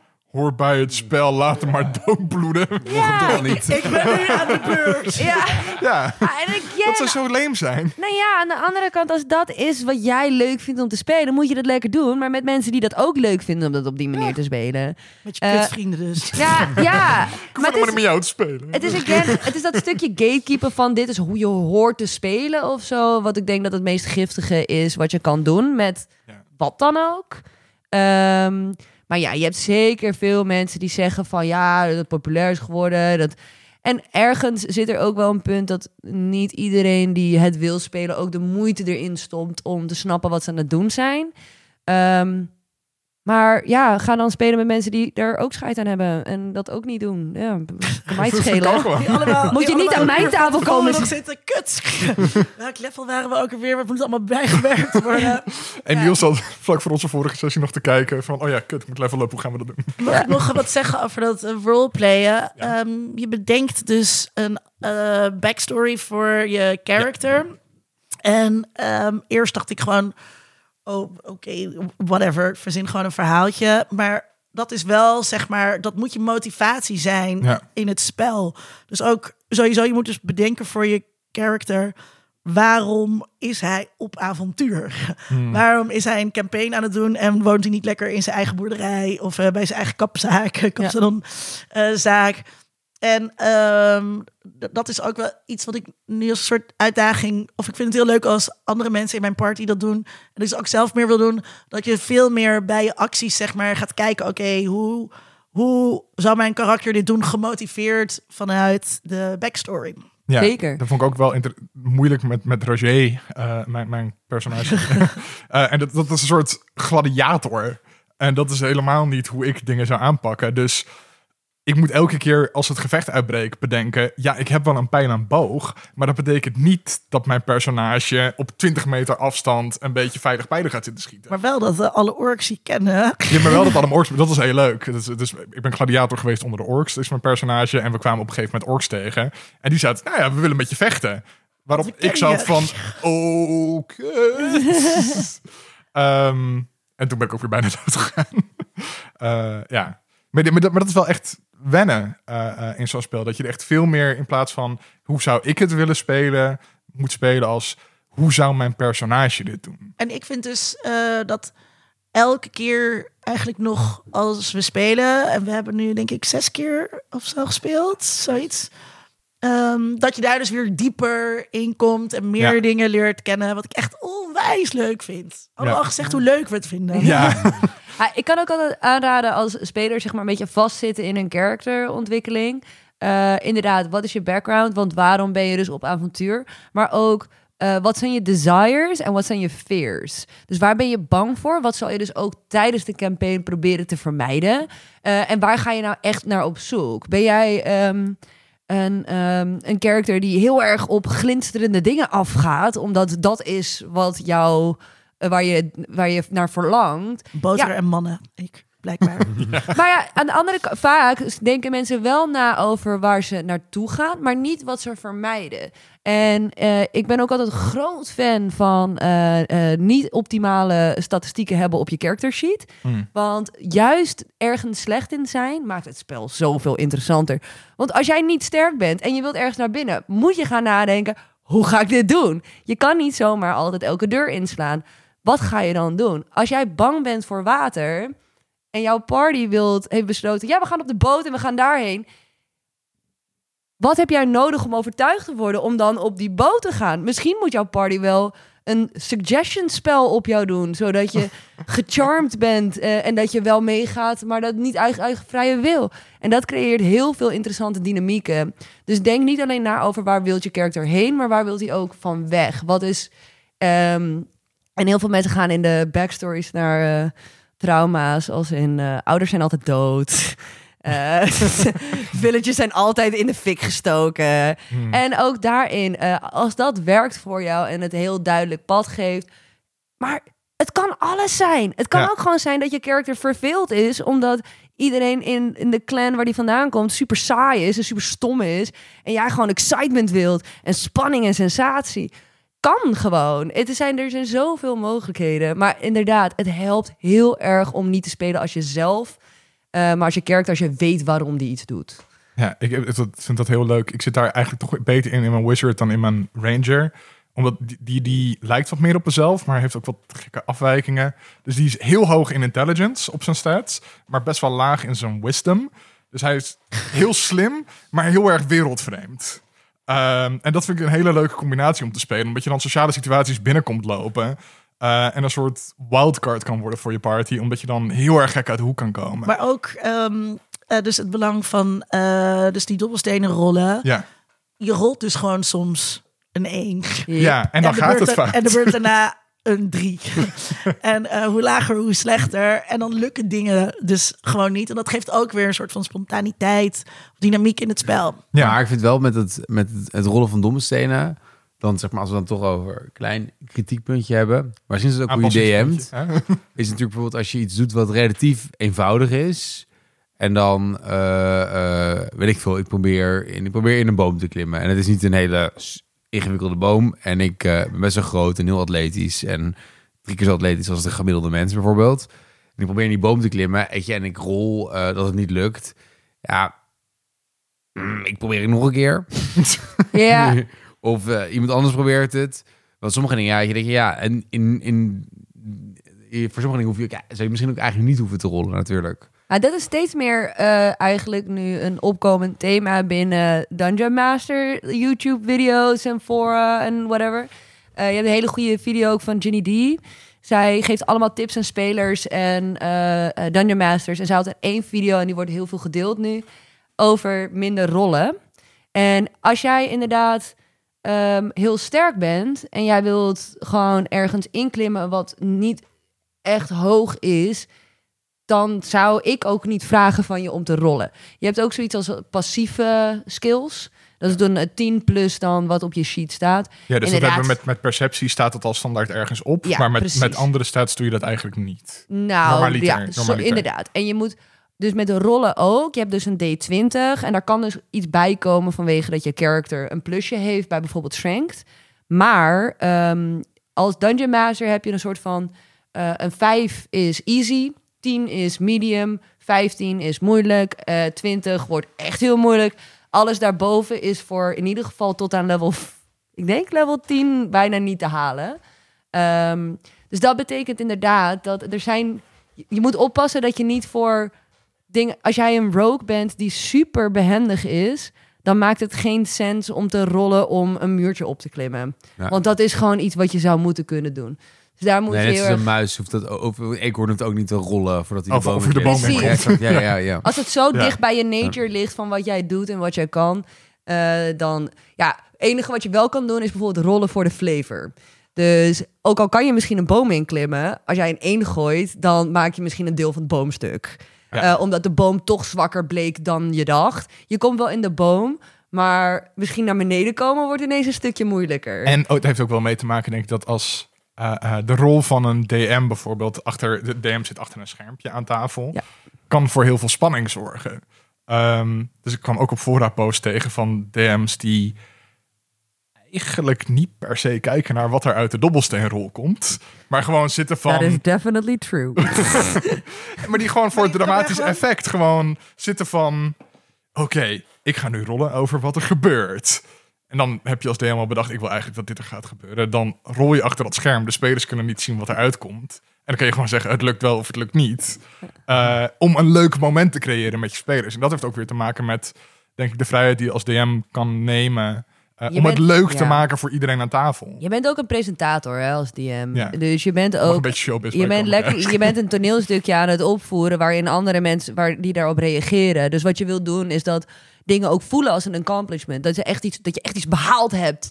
Ehm, dus ja, soms doe je alsof iets heel moeilijk is. Terwijl, ja, inderdaad, voor mijn verhaal, je moet wel door die deur heen komen, anders kom je er niet verder. Dus ik doe er heel dramatisch over. Maar ja, natuurlijk kom je door die deur heen. Ja. Eh, maar je weet als speler nooit wanneer dat nou wel en niet zo is. Dus de spanning blijft altijd daar. En het is zo leuk dus, als je iets bereikt. Ja, Ja, maar je kan echt zeker als je daar met- hard met- voor hebt moeten werken. Ja. We, we hebben echt juichend aan tafel gezeten met z'n allen als iets lukte. Ja, Eh, dat, dat, dat goed, omdat je zo, zelfs al zie je eigenlijk bijna niks. Het, het meeste wat je kan zien is misschien een kaart op tafel en met wat miniaturen. Eh, die staan hier nu ook op tafel, die heeft eh, Lou meegenomen. zijn in een taverne. Ja, met, met, met allemaal barman. goblins en een, een, een marrow, zo'n een, een kwaadaardige zeemeerman staat achter de counter. Die kan, Eh, ik wel, die kan ik wel charmen hoor. Het, is, het is overduidelijk dat ik de DM ben en dus voornamelijk minis heb die evil zijn. Eh, ja, eh, maar, maar dat maakt het gewoon... eh, eh, je zit toch zo in die wereld. Je gaat er zo in op. Eh, zelfs al zit het allemaal eigenlijk in je hoofd. Ja. Zo leuk aan het spel. Ik heb nog ehm, twee vragen van één luisteraar, waar die ik nog even langs wil. Eén, even heel kort, en ik denk dat dit vooral voor de DM is. Kan je te veel dobbelstenen hebben? Nee. Hoezo? Ah, ik wil altijd meer dobbelstenen. Ik ben een, een, een, dat noem je dan een dice goblin. Ehm, zeg maar hoe andere mensen houden van diamanten en sieraden, wil ik gewoon zoveel mogelijk dobbelstenen. Eh, ik raad wel aan om ze niet allemaal op tafel te leggen als je gaat spelen. Ehm, maar ja, het is, je, Maar hoe je, te veel dobbelstenen? Je hebt een setje nodig. je hebt één Ja. set nodig. Ja, je, daarom, je hebt één set nodig. En Als Dungeon Master heb je wel meer nodig. Eh, en het kan nuttig zijn om misschien twee setjes te hebben. Wij hebben allemaal een eigen set. Ja, en dan hoe hoger je levelt, op een gegeven moment wordt het handig om bijvoorbeeld twee setjes te hebben. Omdat je, ehm, als jij eh, probeert te slaan en je raakt, dan moet je voor de, voor de schade rollen. En dan moet je vaak twee keer dezelfde dobbelsteen. En op een Hmm. gegeven moment is het dan prettig als je gewoon een extra setje hebt. Maar nee, om te spelen heb je niet eens een echt setje nodig. Want je kan ook op je telefoon met digitale dobbelstenen. Ik vind het niet zo leuk, want de, de flavor van alleen het geluid al van de dobbelstenen... dat je wacht en ziet En met z'n allen wat dat het is. zo zit te Ja, schudden met het Alsof dat helpt. Ja.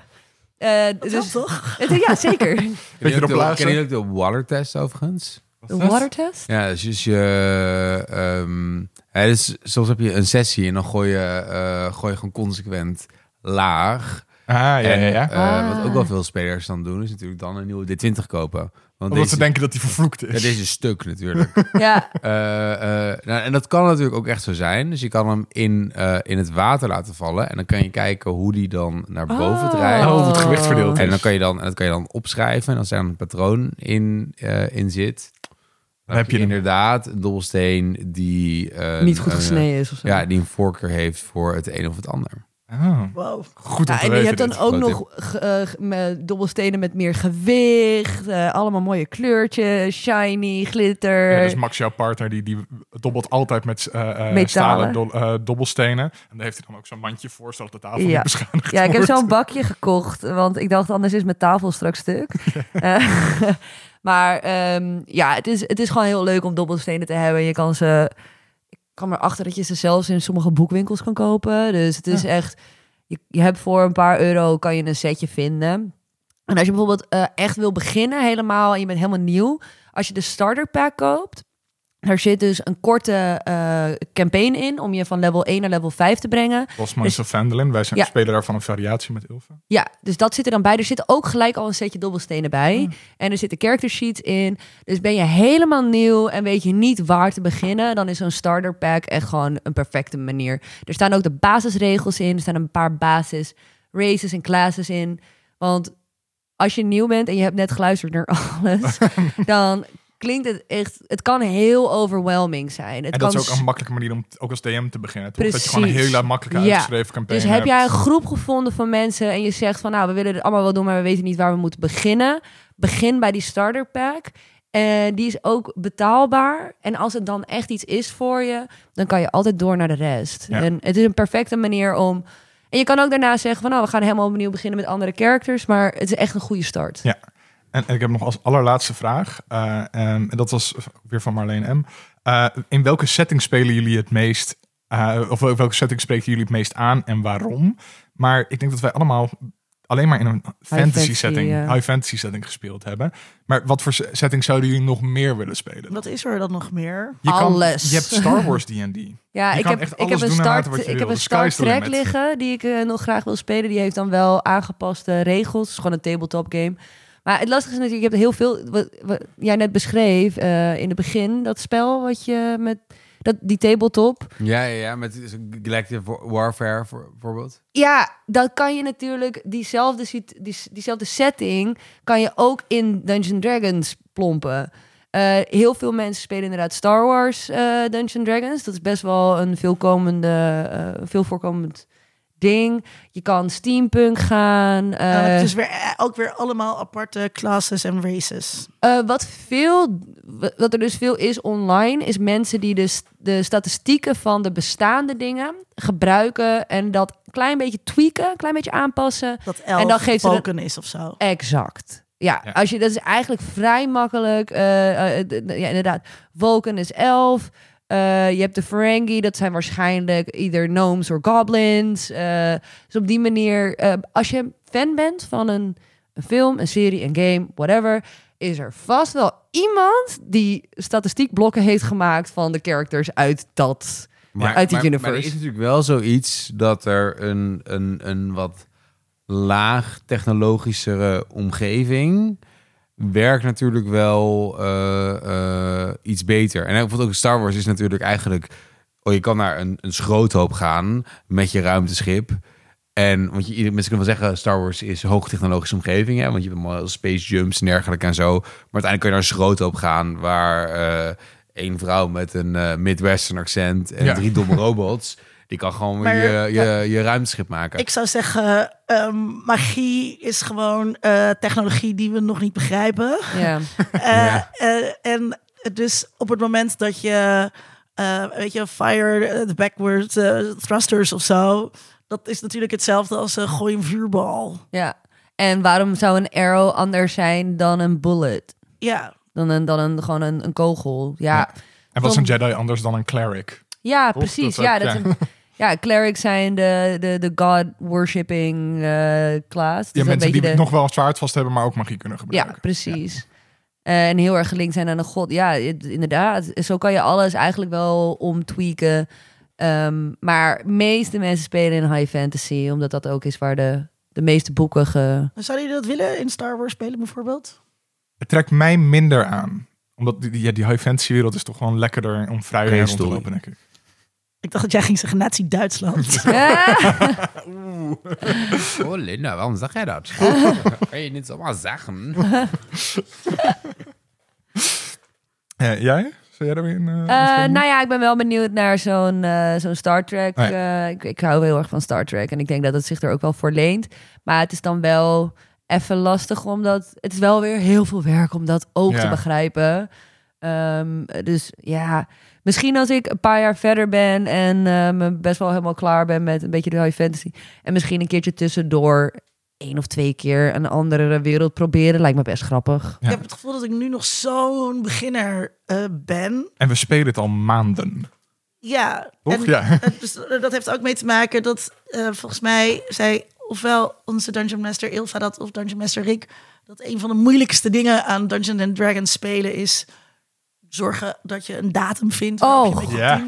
Scheduling is the worst. Eh, Ja. dat, dat, eh, dat, dat speelt daar vooral in mee. Ehm, waardoor het zo lang duurt. Maar eh, ik, ja, heb je, dat- ik heb echt het idee dat we pas net komen kijken. Dus voordat we een keertje...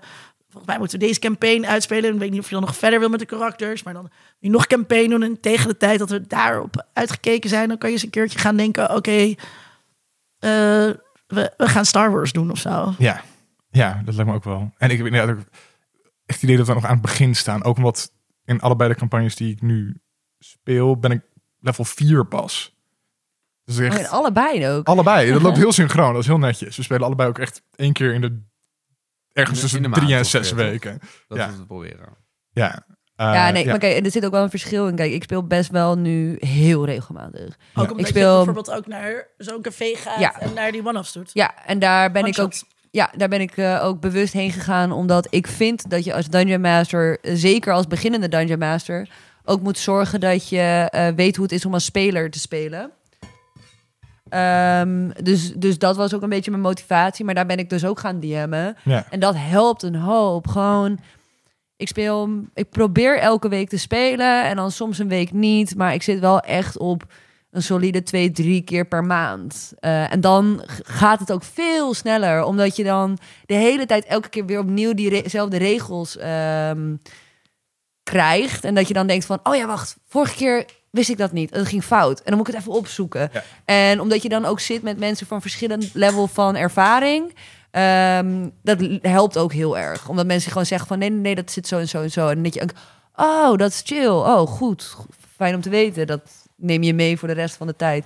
Maar het is, ja, als je het niet heel vaak speelt, het is nog steeds, again, overwhelming hoeveel er is. Hoeveel opties, hoeveel keuzes. En dus niet alleen in de fantasywereld, maar ook nog in, Ook nog in elke mogelijke setting die je Ja. eigenlijk kan bedenken. Sky is the limit echt.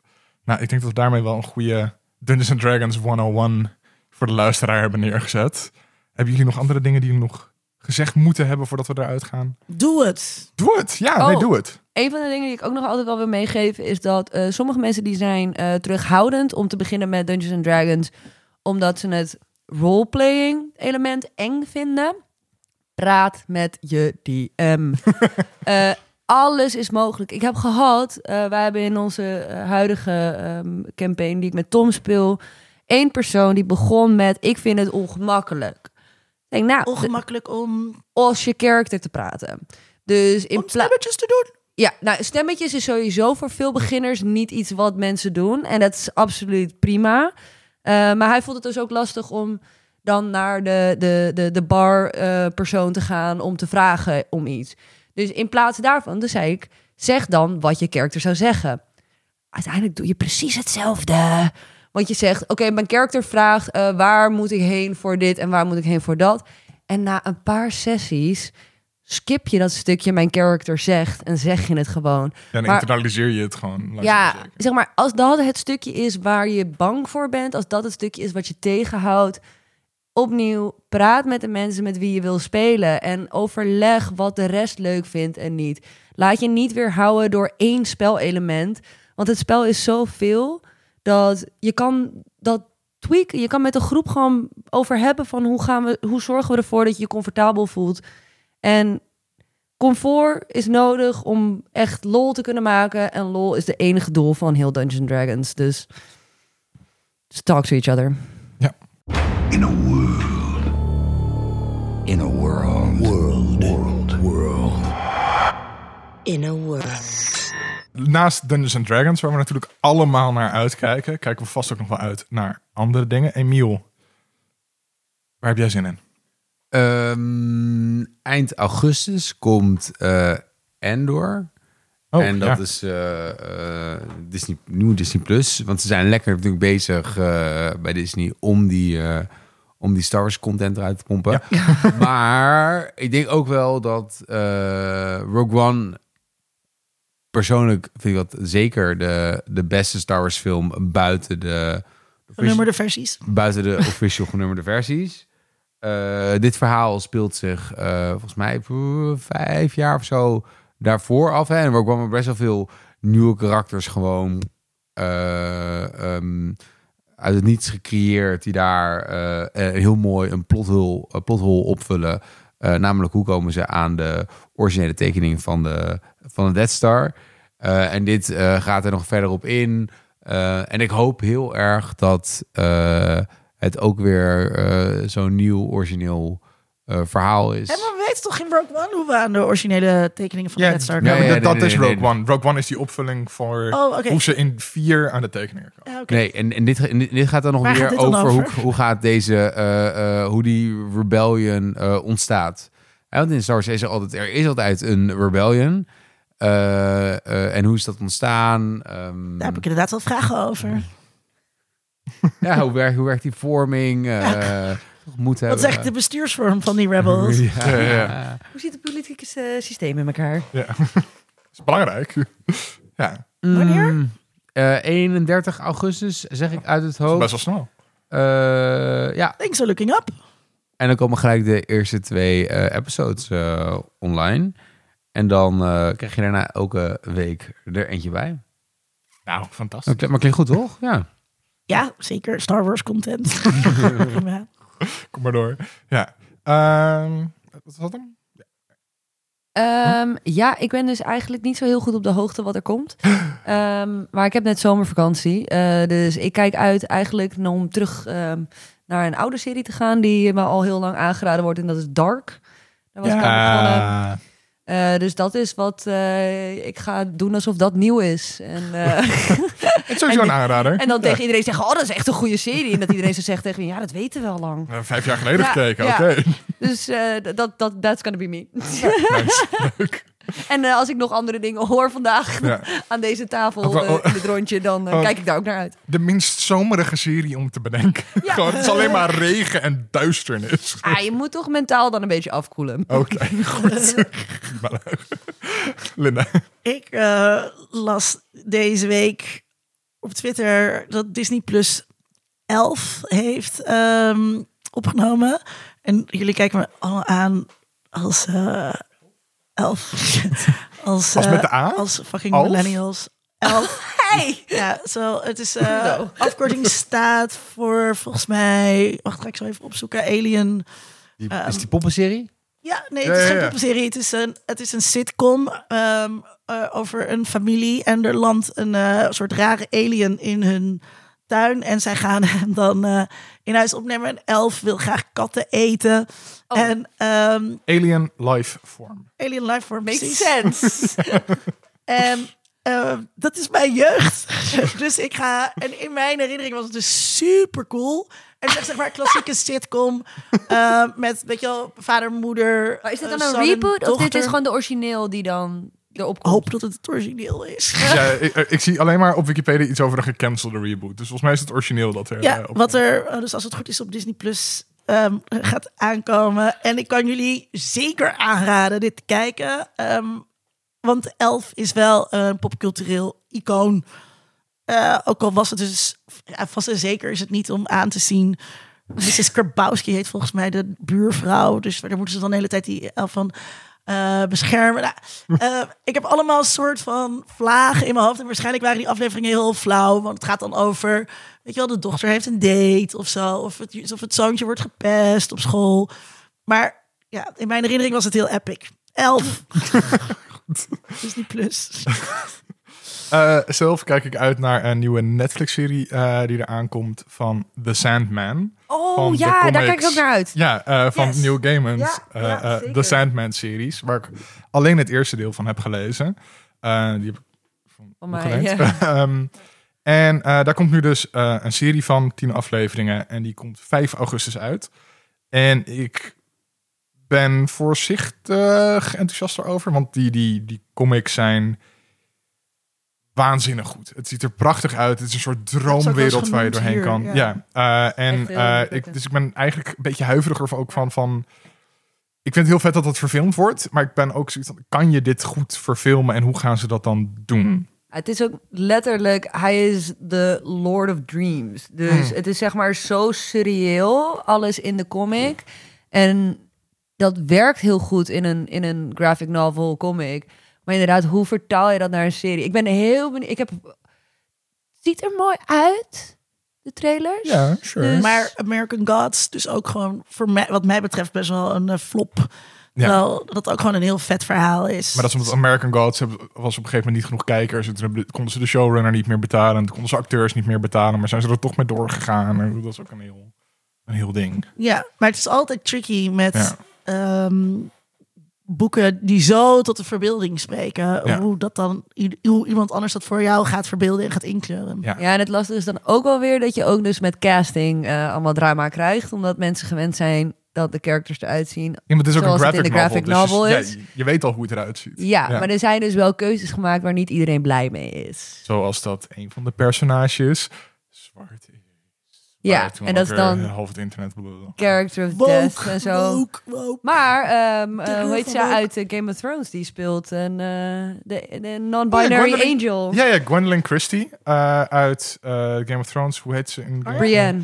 Brienne. Uit Gra- eh, eh, zij speelt Lucifer. Als een soort androgyne, Ja. Dus, het is zeg maar, er, zitten, er zitten hele interessante keuzes in. Ja. En het ziet er allemaal best wel cool uit. En inderdaad, heel benieuwd hoe het eruit Ja. Goed.